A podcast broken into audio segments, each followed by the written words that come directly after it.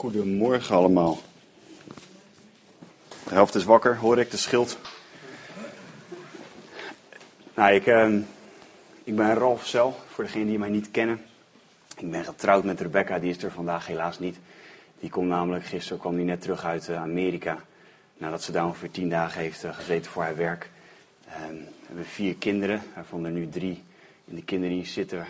Twee in de kinderdienst en één doet de kinderdienst en één zit hier voor me. Die mag naar me luisteren en die geeft rapport uit zo meteen aan moeders of dat ik het goed gedaan heb. Dus dat scheelt. Um, ik ben erg enthousiast over het gedeelte wat we vandaag gaan behandelen, namelijk Matthäus 26. En als je een Bijbel bij je hebt, dan wil ik je graag vragen of dat je wil openen Matthäus 26, vers 31. Daar gaan we beginnen. Mocht je geen Bijbel hebben, ik heb hier nog één Bijbel liggen, er zijn er al twee weg. Dan uh, kan, je die, uh, kan je die hier pakken. Ze liggen hier nog.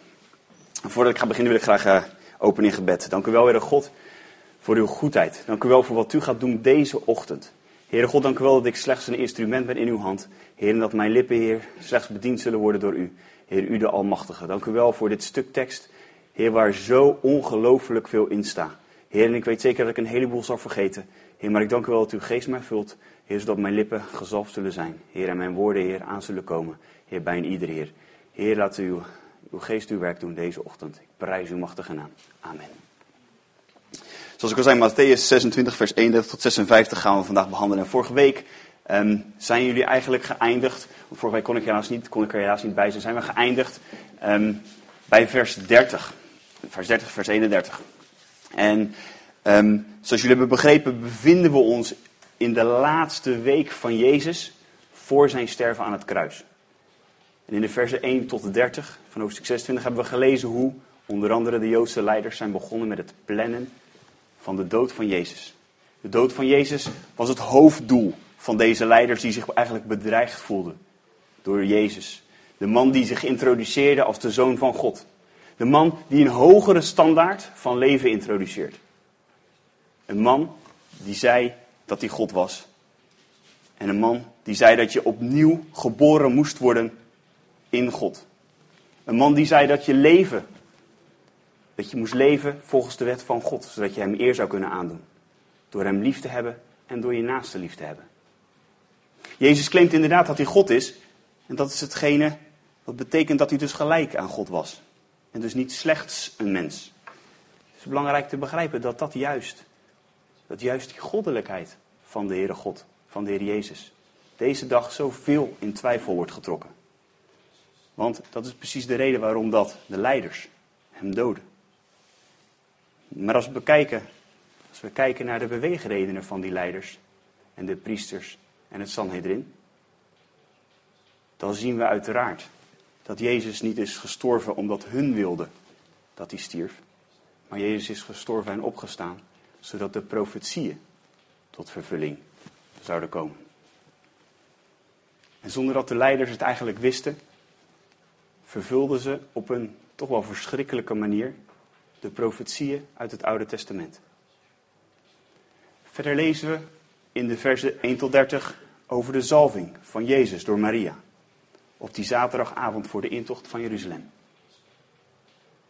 Die zalving, als het ware een soort inwijding op het sterven van Jezus. Die zalving door een sterke parfum die zeker lang te ruiken was voor Jezus. Moet je nagaan als je een, stel een fles, nou, noem een dure parfum op, die giet je over je hoofd uit leeg. Nou, die heb je een paar keer wassen, heb je er echt niet uit. Ik bedoel, uh, en dit was een, een olie, een zalfolie die over zijn hoofd werd uitgegoten en over zijn hele lichaam verder droop. We lezen over het verraad van Judas. Judas plant het uiteindelijke verraad van Jezus door naar de overpriesters te gaan. En die losprijs te betalen. Die losprijs die eigenlijk maar voor een slaaf betaald werd. Voor de prijs van een dode slaaf. Jezus, de Messias, werd voor een losprijs van een slaaf overgeleverd, verraden. En vervolgens zien we de voorbereiding voor het Pascha door de discipelen. En de gezamenlijke maaltijd die ze samenhouden. Dit is eigenlijk waar we vandaag beginnen.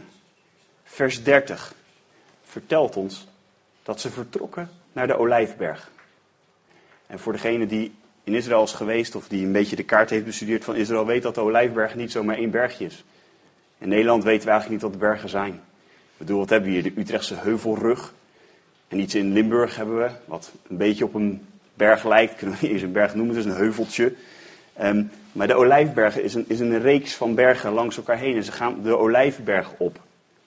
Maar voordat ze naar die Olijfberg gaan, zingen ze een lofgezang.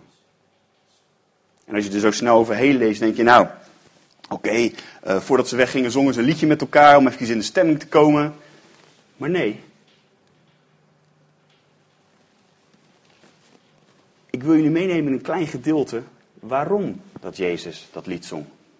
Misschien heb je er wel eens van gehoord. Maar je moet je dit eens voorstellen. Jezus is God en hij weet wat er gaat gebeuren. Jezus, voordat hij vertrekt naar de Olijfberg, zingt hij een lied. We zitten nu in de tijdslijn in de week, zitten we op de vrijdag. De donderdag na zonsopgang. Sorry, zonsondergang. En dus de vrijdag op de Joodse kalender. Want de Joodse kalender loopt van zonsopgang tot zonsondergang. Jezus weet welk verraad hij zo meteen zal doorgaan. Hij weet welke pijn hij zo meteen zal gaan voelen. En uiteraard, hij is God. Maar hij is ook mens. Net zoals jij en ik. Voelt hij als iemand hem knijpt. Voelde die als iemand hem kneep. Het enige grote verschil tussen Jezus en ons was dat hij nooit gezondigd had. Jezus gaat dus voordat hij weggaat naar de Olijfberg. Voordat hij weet dat hij in Gethsemane zal worden uitgeperst als een olijfje. Gaat hij zingen. En hij zingt dit lied als afsluiter van het Pascha, het Pesach. Dit lied zongen ze allemaal als afsluiting van het Pesach. Het lied heet het Hallel. Nee, niet Halal, maar Hallel. Het Hallel zijn de psalmen 113 tot 118. En als je psalm 113 tot 118 een beetje doorleest, heb ik een aantal psalmen die erg interessant zijn. Ik heb er eentje uitgekozen. Psalm 118, vers 22 en 23. De steen die de bouwers verworpen hadden, is tot een hoeksteen geworden. Dit is door de Heer geschied. Het is wonderlijk in onze ogen. Dit is de dag die de Heer gemaakt heeft. Laten wij op deze dag ons verheugen en verblijd zijn. Jezus zingt hier dus een lied samen met zijn discipelen, waarbij dit lied ook over hemzelf gaat. De steen, die namelijk door de bouwers verworpen was, dat was hij zelf. Dus stel je eens voor. Je weet, je wordt over een paar uur wordt je gevangen genomen. Je zult worden behandeld als een crimineel. Je zult worden opgehangen aan een kruis. Zou jij, zou ik dat lied hebben gezongen? Ik weet het niet. Maar dat is precies wat Jezus dus wel doet. En dat is onze God. Het is dus een enorme bemoediging, een aanmoediging voor ons om Hem juist wel te aanbidden in aanbidding en in zang. Elke zondag, maar zeker ook elke dag van de week. Want als Jezus, wetende dat hij een oordeel zou ondergaan, kon zingen voordat hij dat onderging, hoeveel te meer kunnen wij zingen, wetende dat we geen oordeel meer zullen ondergaan?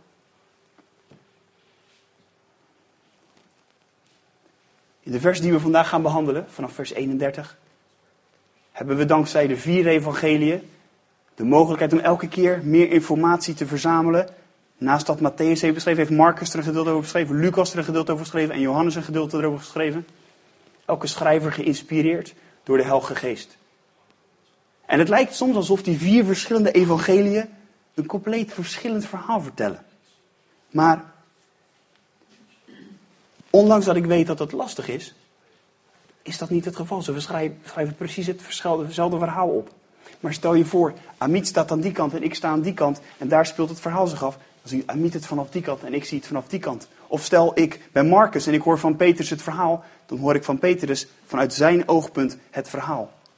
En dus geïnspireerd door de Heilige Geest, die van verschillende hoeken zie je het verhaal beschreven. We zijn inmiddels in vers 31 en Jezus en zijn discipelen zijn dus op de Olijfberg. En op de Olijfberg, die in de toekomst ook zo'n belangrijke rol zal spelen in Jezus' terugkomst, daar op die berg begint Jezus te delen met de discipelen wat er staat te gebeuren. Laten we beginnen in vers 31. Toen zei Jezus tegen hen: U zult in deze nacht allen aanstoot aan mij nemen. Want er staat geschreven: Ik zal de herder slaan en de schapen van de kudde zullen uiteengedreven worden. Maar nadat ik opgewekt zal zijn, zal ik u voorgaan naar Galilea. Maar Petrus antwoordde hem en zei: Al zouden zij alle aanstoot aan u nemen, ik, ik zou dat nooit doen. Jezus zei tegen hem: Voorwaar, ik zeg u dat u in deze nacht, voordat de haan gekraaid zal hebben, mij driemaal zult verloochenen. Petrus zei tegen hem: Al moest ik met u sterven, ik zal u beslist niet verloochenen. Hetzelfde zeiden ook al de discipelen. Je zou je zo kunnen voorstellen dat de tien, de twaalf, de elf in dit geval, eigenlijk een soort gameplan verwachten. We zijn op de berg, we kijken uit op Jeruzalem. Kom maar Jezus, gameplan, wat gaan we doen? Plan of attack, aanvalsplan. Maar nee, Jezus begint zijn discipelen te vertellen dat ze alle aanstoot aan hem zullen nemen. Niet om ze te veroordelen, maar zodat de schriften, zodat de geschriften die gaan over het lijden van de Messias, in vervulling zouden komen. Jezus refereert namelijk aan een tekst die de profeet Zacharia heeft verwoord in Zacharia 13, vers 7. Het zwaard zal gebruikt worden tegen de goede herder. Het zwaard staat uiteraard in dit geval voor de dood. De dood die Jezus tegemoet gaat. Het zwaard zal ervoor zorgen dat de discipelen verstrooid raken. De profetie, zoals elke profetie in het Oude Testament, zal ook deze profetie van Zacharia in vervulling moeten gaan. En we zien ook in het verhaal verder dat de profetie inderdaad tot vervulling, in vervulling gaat.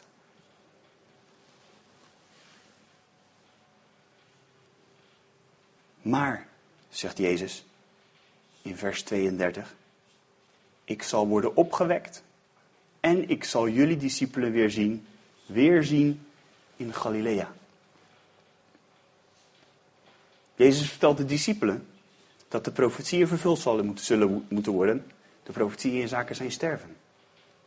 De profetieën vind je voornamelijk in Psalm 22 en Jezaja 53. Jezaja profeteert ruim 700 jaar voordat Jezus geboren wordt over zijn sterven voor de zonde van de mens. En in vers 32, zoals ik net al zei, vertelt Jezus dus over de profetieën die ook in vervulling zullen gaan in zaken zijn opstanding. Die we zullen vinden in Psalm 16, vers 10. Opgeschreven door koning David. Dood zou geen macht houden over de heilige Gods. Psalm 16, 10 leest namelijk. Want u zult mijn ziel in het graf niet verlaten. U laat niet toe dat uw heilige ontbinding ziet. Jezus zou niet in het graf blijven. De heilige Gods zou niet in het graf blijven. David. David schrijft dit al op. Jezus bevestigt in twee korte zinnen welke profetieën er tot vervulling zullen komen in de komende twee dagen. Maar de discipelen lijken het niet te horen. Ze zijn gechoqueerd dat hun rabbi, hun meester, ze zegt dat ze hem zullen verlaten. Dus moet je nagaan. Jezus vertelt ik ga sterven. Ik sta op en ik zie jullie weer in Galilea. Op zich een redelijk gameplan. Ze hadden iets anders verwacht. Ze hadden verwacht pakjeswaarde. Petrus, jij gaat voorop. Jij zorgt ervoor dat je dat paard fixt. We gaan Jeruzalem binnen, we nemen het in. Dat was het achterliggende plan. Althans, dat hadden ze in hun gedachten. Maar nee, zegt Jezus, ik ga sterven, ik sta op en ik zie jullie weer terug in Galilea. En dan zien we in vers 33 direct het karakter van Petrus. Misschien wel het karakter van mij, misschien wel het karakter van jou. Petrus de zeeloot, klaar om te vechten. Nee, zegt hij, ik zal u nooit verlaten, ik niet. Oké, hun misschien, hun misschien, ik niet. Nee, ik nooit. Je hoort het hem bijna zeggen, Heer, hoe durft u er zoiets te zeggen? Ik zou dat toch nooit doen. Nee, jullie wel, ik niet. Oh. En dan gaat Jezus door en hij confirmeert in vers 34 dat juist Petrus tot drie maal toe Jezus zal verloochenen. Toen ik dit aan het bestuderen was, stootte ik tegen, liep ik tegen iets aan, iets lastigs. In de Bijbel wordt altijd gesproken over de haan die kraait.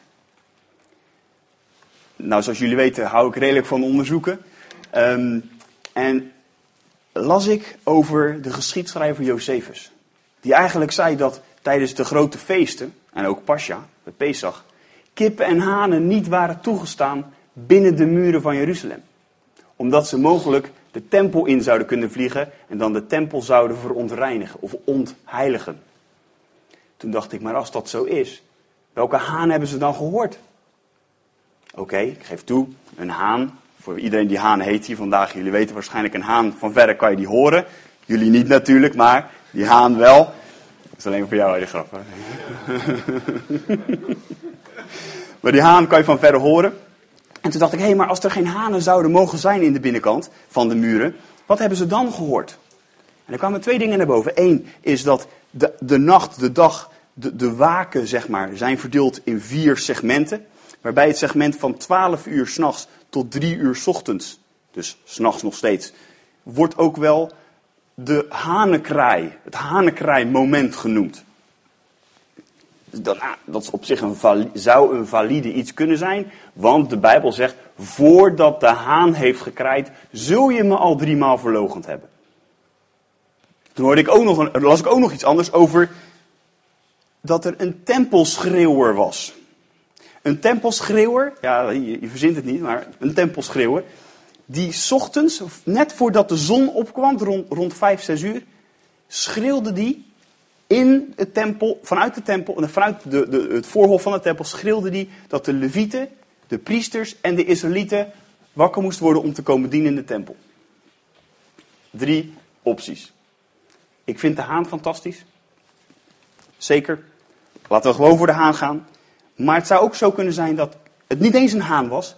En dat Petrus Jezus verraadde voor een bepaald moment. Waarbij ze wisten dat moment is het gedeelte van het hanengekraai moment. Resumerend, het maakt niet uit of het een haan was. Maakt niet uit of dat het een tijd was. Het ging erom dat Petrus tot drie maal toe Jezus verlogende.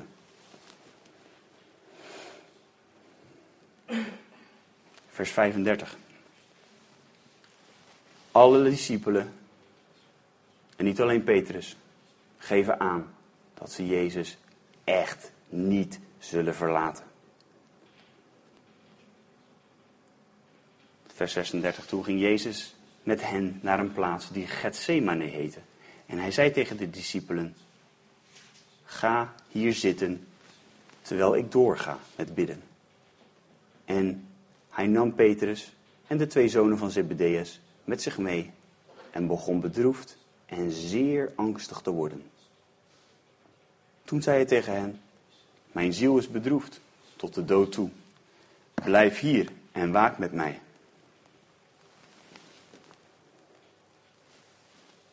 En nadat hij iets verder was gegaan, wierp hij zich met het gezicht ter aarde en bad, mijn vader, als het mogelijk is, laat deze drinkbeker aan mij voorbij gaan. Maar niet zoals ik wil, maar zoals u wilt. En hij kwam bij de discipelen en trof hen slapend aan en zei tegen Petrus, kon u, dat, kon u dan niet één uur met mij waken? Waak en bid, opdat u niet in verzoeking raakt.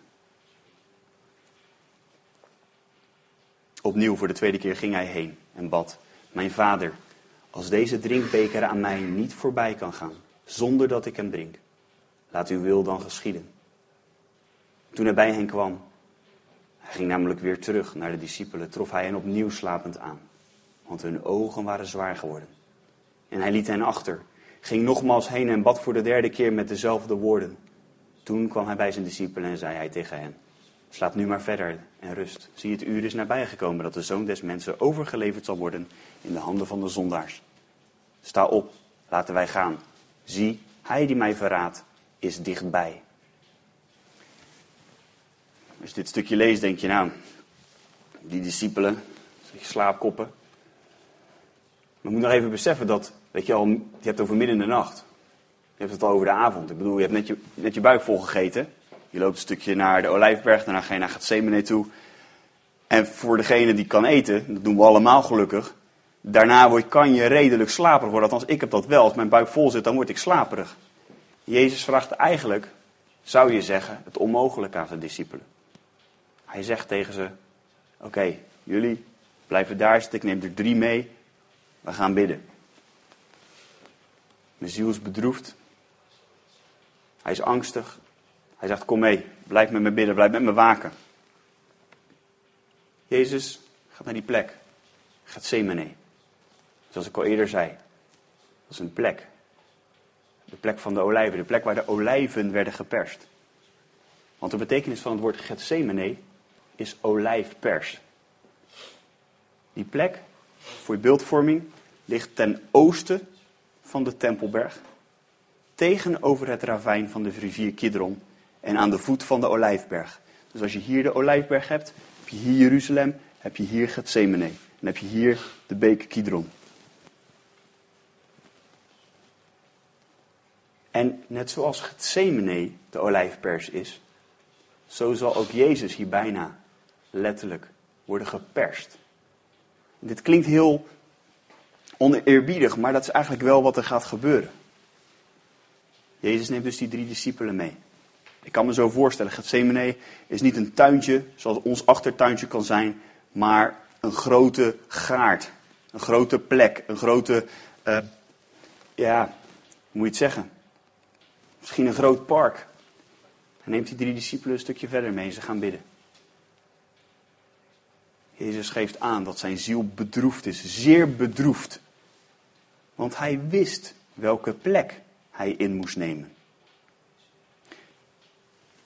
De plek van een zondaar. Hij moest zonde worden, zo zegt 2 Korintiërs 5 vers 21. En het is, voor ons, het is voor ons niet logisch, het is voor ons niet voor te stellen dat Jezus daarom bedroefd zou worden, want we plegen dagelijks zonde. En dagelijks komen we bij Christus terug. Maar Jezus was zonder zonde en moest zonde worden. Hij was zeer bedroefd. Is duidelijk een aanduiding dat dit een enorm intense ervaring was. Lucas 22, een parallelverhaal, in vers 44 vertelt ons zelfs dat het zweet dat op zijn voorhoofd was, dat dat werd zoals bloeddruppels die op de grond vielen. Dit om aan te tonen welke emoties er op dat moment door Jezus heen gingen. En dan zou je zeggen, hij was waarschijnlijk bang dat hij als martelaar zou gaan sterven en daarom was hij bang. Maar nee, Jezus wist dat hij niet als martelaar zou gaan sterven. Hij wist dat hij zichzelf vrijwillig zou geven als een offerlam. Een offerlam zonder zonde, een offerlam zonder fouten, een offerlam zonder problemen. En we lezen het stuk wat we juist hebben gelezen, lezen we dat de discipelen tot drie keer toe in slaap vallen. En terwijl de discipelen keer na keer in slaap vallen, heeft Jezus dat gesprek met zijn vader. De eerste keer dat Jezus gaat bidden, zegt de tekst, hij wierp zich met zijn gezicht ter aarde en bad. Mijn vader, als het mogelijk is, laat deze drinkbeker dan aan mij voorbij gaan. Maar niet zoals ik wil, maar zoals u wilt. Wie van ons werpt zich dagelijks met zijn gezicht ter aarde? Ik niet. Ik werp me niet dagelijks met mijn gezicht ter aarde. Maar in dit geval geeft de tekst aan dat Jezus zich wierp ter aarde met zijn gezicht naar beneden. In volledige, in volledige um, onderwerping aan zijn vader. Een soort slavenhouding op je knieën op de grond. Jezus bad tot de Vader. De vader zou nooit een verzoek van Jezus niet, in. Als Jezus had gezegd, Heer, God, ik doe het toch liever niet. Die drinkbeker neem ik liever niet. Dan had God gezegd, oké.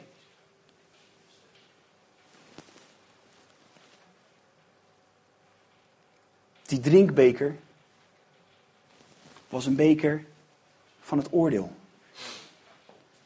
Want het oordeel dat Jezus op zich moest nemen, door die drinkbeker te drinken, kon Jezus eeuwige redding brengen. Voor een ieder die in hem gelooft. De drinkbeker, zou je zeggen, wat is dat die drinkbeker? Drinkbeker wordt in de Bijbel vaak, meestal als beeld gebruikt van Gods wraak en Gods oordeel. Er zijn een heleboel voorbeelden, ik heb er twee uitgekozen. Bijvoorbeeld Jezaja 51, vers 17. Daar staat in, ontwaak, ontwaak, sta op Jeruzalem. U die uit de hand van de Heer gedronken hebt, de beker van zijn grimmigheid, de droesem uit de beker van bedwelming, hebt u gedronken. Of in Jeremia 25, vers 15. Want zo heeft de Heer, de God van Jeruzalem, van Israël, tegen mij gezegd: Neem deze beker van wijn van de grimmigheid uit mijn hand. En geef die te drinken aan alle volken tot wie ik u zend. Zo zie je dat een beker, in dit geval de drinkbeker, in de Bijbel altijd dezelfde betekenis heeft. En in dit geval is de drinkbeker de beker van het oordeel van God. Wat we goed moeten proberen te begrijpen is dat doordat Jezus die beker moest drinken, werd hij eigenlijk een vijand van God. Want hij werd zonde. Je zou zeggen, nou, hoe kan het nou dat God vijand werd van God? Want Jezus is toch God? Jezus dronk de beker van het oordeel van God. Een zonde, zonder zondig mens, zonder zonde, een mens zonder zonde, wie is beter, um, nam tot zich de beker van Gods oordeel. Zit me uit te lachen daar, hè? Goeiedag. Die beker betekent dus niet dood, maar het oordeel van God.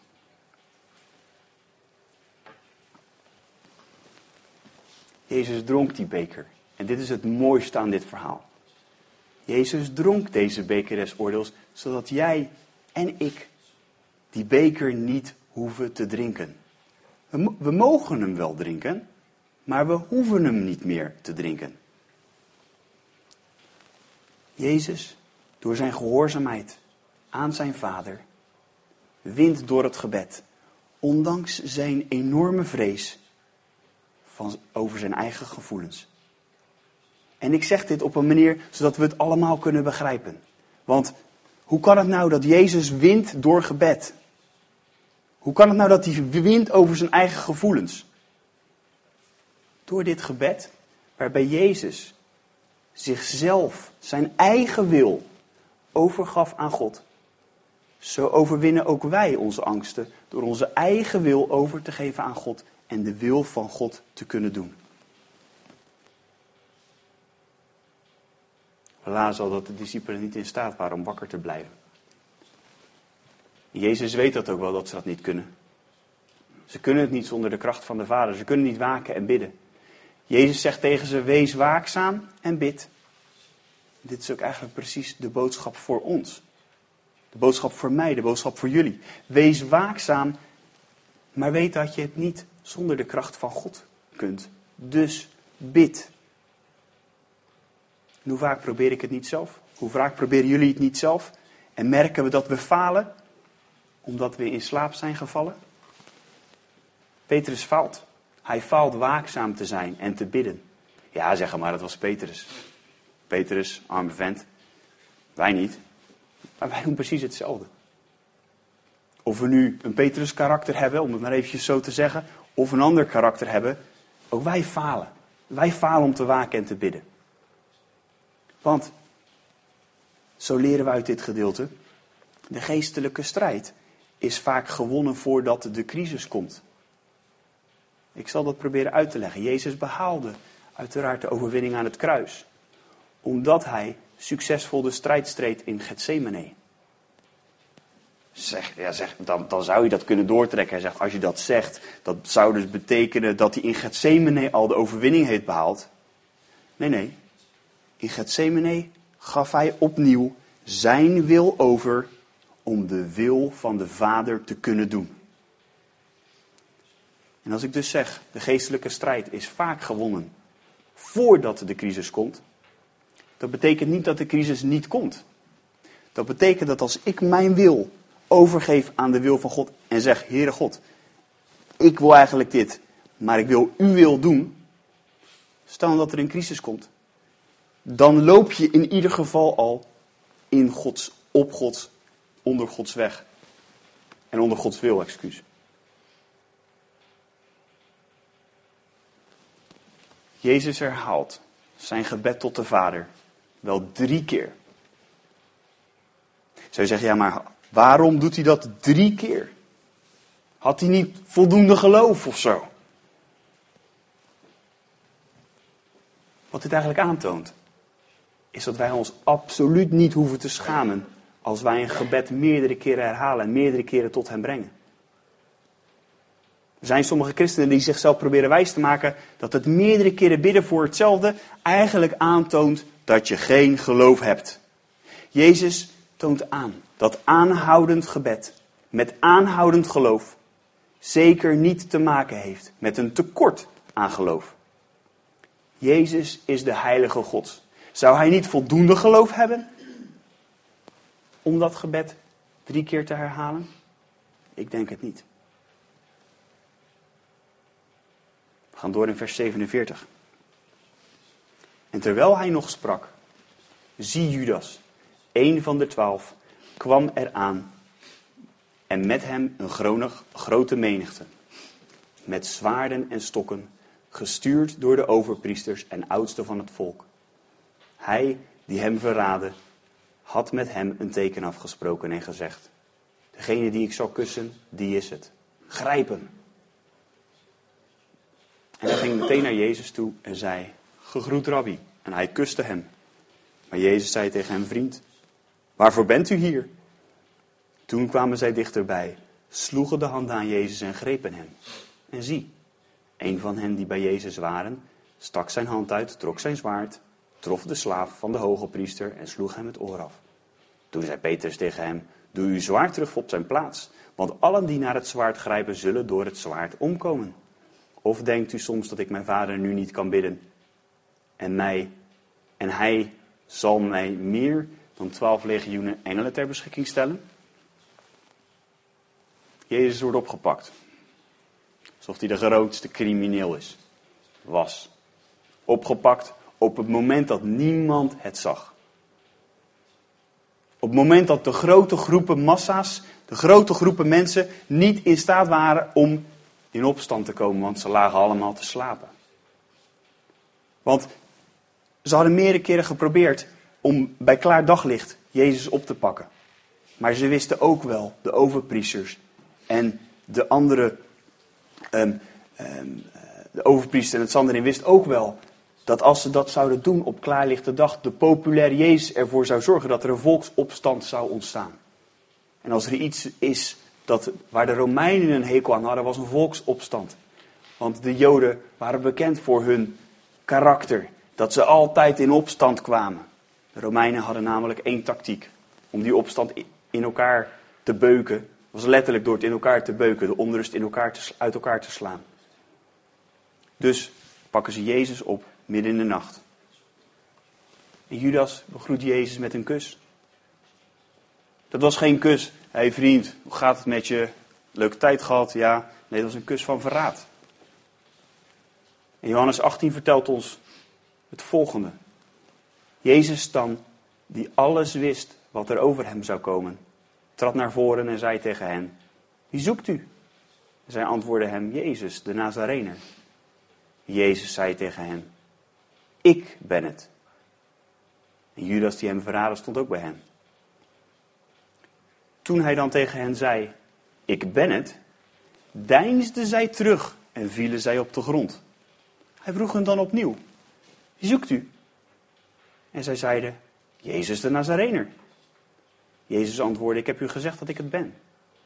Als u mij dan zoekt, laat deze, wijzend op de discipelen, weggaan. Dit zei hij opdat het woord vervuld zou worden dat hij had gesproken. Uit hen die u mij gegeven hebt, zal niemand, heb ik niemand verloren laten gaan. We lezen dit stukje van Johannes, hetzelfde verhaal verteld, met extra informatie.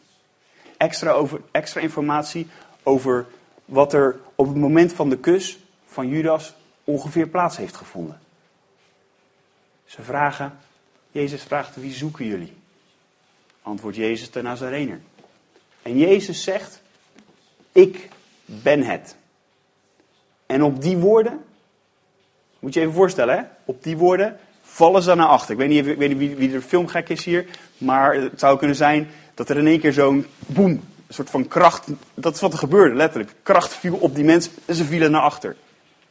Was dat de kracht van God die op ze viel? Nee, dat was Gods, Jezus, de kracht van Jezus die van hun uitging. Van hem uitging. En ze vielen naar achter op de grond.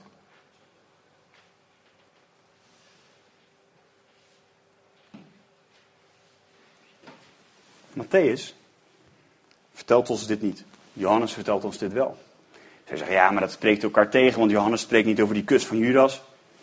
Ik denk niet dat het elkaar tegenspreekt.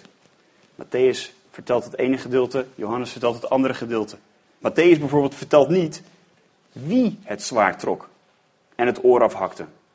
Maar als je dat nog nooit zou hebben gelezen en zegt, ja nou, eh, ik heb je net gehoord over die Petrus die graag met het zwaard wilde vechten. Waarschijnlijk is het die Petrus wel, die inderdaad dat oor afhakte. En inderdaad, Johannes 18 vers 10 vertelt ons dat Petrus het is die dat oor afhakt. 18 vers 10 zegt, Simon Petrus dan, die een zwaard had, trok dat, trof de slaaf van de hoge priester en sloeg zijn rechteroor af. En de naam van de slaaf was Malchus. Aan het begin vertelde ik over gameplan, hè? De discipelen verwachten een gameplan op die berg. Petrus had zijn zwaard bij zich. Hij verwachtte echt een gameplan. Hij had niet dat zwaard even tussendoor opgehaald of zo, of uit een kluisje getoverd. Petrus verwachtte echt actie. En die actie, die zoekt hij. Die krijgt hij. En dan weer iets bijzonders. Laten we zien dat Jezus zo ongelooflijk goed is. Hij pakt die oor op van die grond, plaatst het oor terug en bestraft Petrus liefdevol door tegen hem te zeggen. Zou ik niet, als ik zou willen, twaalf legioenen engelen op kunnen trommelen? Om ons vanuit deze situatie te redden? Eén legioen is ongeveer 6000 voetsoldaten. 6000 engelen. Maal 12. En om je beeld te geven bij de macht van een engel. 2 Koningen 19 vers 35 vertelt ons over het verhaal dat er één engel 185.000 man in een avondje in het kamp van de Assyriërs doodsloeg. Dus Jezus zegt hier, denk je niet dat ik ervoor kan zorgen dat er 12 legioenen, 12 keer 6000 engelen nu instant naar beneden kunnen komen en ons beschermen van dit stelletje aanvallers. Jezus geeft hier dus aan dat hij opnieuw alle controle heeft over de gehele situatie. Hij is de controle niet verloren tot op het einde toe. En dat als hij zou willen, er per direct een einde aan werd gemaakt. Door zijn vader, zijn God, direct om engelen te vragen en hem te beschermen en hem eruit de situatie te halen. Petrus slaat hier in de kracht van de wereld, in zijn eigen kracht, slaat hij een oor eraf. Hij slaat een oor eraf met een ander plan in gedachten, namelijk de Messias komt om ons van de Romeinen te verlossen. Maar als Petrus verder in de hoofdstukken, verder in de Bijbel, in Lucas voornamelijk, gaat handelen in de kracht van de Heilige Geest, dan zien we dat Petrus geen oren meer afslaat, maar als het ware de geestelijke harten van mensen doorsteekt tot eer en glorie van zijn naam. En dat deed hij uiteraard met het woord van God. En zo zal Petrus een enorme verandering doorgaan. Want Jezus verandert door zijn geest een mens zoals ik, een mens zoals u. En hij wil ons, net zoals Petrus, ons tot zijn glorie gebruiken. Net zoals hij Petrus heeft gebruikt. Vers 54 gaat verder. Hoe zou anders de schriften vervuld worden, die zeggen dat het zo geschieden moet? Op dat moment sprak Jezus tot de menigte. Bent u er met zwaarden en stokken op uitgegaan, als tegen een misdadiger om mij te vangen? Dagelijks zat ik in de tempel om onderwijs te geven en hebt u mij niet gegrepen. Maar dit alles is geschied, opdat de schriften van de profeten vervuld zouden worden. En daar gaan ze. Toen verlieten alle discipelen hem en vluchten. Dit alles moest gebeuren, zodat de geschriften vervuld zouden worden. De Messias moest gevangen worden genomen. Hij moest gekruisigd worden, omdat de geschriften vervuld moesten worden. De geschriften die ons een verlosser beloofden. Die verlosser die onze zonde op zich zou nemen. En die verlosser is Jezus. Die Jezus die gehoorzaam is geweest tot in de dood. Die de dood heeft overwonnen en ons het leven heeft gegeven dat wij zo niet verdiend hebben. En nu uh, zal je je afvragen, wat moet ik hiermee? Wat moet ik met dit gehele, hele stuk? Het is een fantastisch stukje geschiedenis. Oké, ik snap wat je bedoelt. Uh, hij is naar Gethsemane geweest. Hij is gevangen genomen. En waarschijnlijk ga je straks verder over dat hij gekruisigd is. Volgende week, uh, de weken erop. Um, maar ik heb uit dit gedeelte heb ik een aantal stukjes genomen die we zo, zo kunnen toepassen in ons eigen leven. In het eerste gedeelte ging het over dat lied wat Jezus zong. Voordat hij, voordat hij wist dat hij gevangen zou worden genomen. Voordat hij wist dat hij zijn wil moest overgeven opnieuw aan God. Wij mogen God in zang aanbidden. En dat lied mogen wij dagelijks uit laten gaan naar Hem. Want, zoals ik al eerder zei, als Jezus kon zingen op het moment voordat Hij de beker des oordeels moest drinken en werd als zonde, hoeveel te meer kunnen wij door Zijn kracht Hem aanbidden. Wij die die beker niet hoeven te drinken. Uiteraard, indien wij bij Hem horen, behoeven wij die beker niet te drinken. Wat een enorme genade is dat. Wij mogen God dus in zang aanbidden. Net zoals Jezus dat deed. Op een fantastische manier. Mede hou ik hier uit dat wij allemaal moeten volhouden in een situatie waar dat je je ook in bevindt. Blijf bidden. En uiteraard, soms is het nodig dat je een stap in geloof neemt. Maar schaam je niet door te denken dat je een kleiner geloof hebt. Omdat je opnieuw en opnieuw en opnieuw voor een bepaald probleem aan het bidden bent. Jezus bracht ook tot drie maal toe een wel enorm groot probleem bij de Vader. Namelijk, Heer, als u, als u deze beker van me af wil nemen, doe het dan. Maar niet mijn wil, maar uw wil geschieden. En ook wij dienen te bidden. Heer, niet mijn wil, maar uw wil geschieden. En dat is heel makkelijk gezegd, maar heel moeilijk gedaan. Want helaas, ik weet niet hoe het met jullie zit, maar ik heb een hele sterke wil. En Gods wil is niet altijd even makkelijk. Maar als we leren om te vertrouwen op Hem, onze wil minder te laten worden en Zijn wil meer te laten worden, dan kunnen we volhouden in de situaties waar we ons in bevinden. Jezus is gestorven aan een kruis, zodat jij en ik werkelijk vrij mogen zijn. En als je die vrijheid niet kent, of je denkt die vrijheid wel te kennen, maar je leeft willens en wetens toch een zondig leven, dan biedt Jezus die vrijheid ook vandaag aan. Romeinen 6, vers 15 en 16 zegt: Wat dan? Zullen wij zondigen omdat wij niet onder de wet, maar onder de genade zijn? Volstrekt niet. Weet u niet dat aan wie u zelf, dat aan wie u uzelf als slaaf ter beschikking stelt tot gehoorzaamheid u slaaf bent geworden van wie u gehoorzaamt? Of van de zonde tot de dood, of van de gehoorzaamheid tot gerechtigheid. Jezus is gestorven aan het kruis, zodat wij werkelijk vrij kunnen zijn. We zijn vrijgemaakt door het offer dat Jezus bracht aan het kruis. Dus leef ook zo. Leef als een vrijgemaakte van de zonde. En val je in zonde, dan is daar Jezus. Die die beker voor jou en voor mij heeft gedronken. Hij staat klaar met open armen. Jouw zonden zijn vergeven aan het kruis. Je kunt je dus bekeren en opnieuw ervoor kiezen niet meer te zondigen. Je bent geen slaaf meer van de zonde, maar vrijgemaakt van de zonde. Zodat dood, net zoals de dood geen macht heeft over Jezus, geen macht meer heeft over jou. Betekent dat dat je niet meer dood gaat? Ons leven gaat op een gegeven moment, ons lichaam gaat dood. Maar hier hebben we het over geestelijke dood. Zodat je geestelijk vrij zult zijn. Om te resumeren. Als we God mogen aanbidden, zoals Jezus God aanbad, dan hebben we geen reden meer om het niet te doen.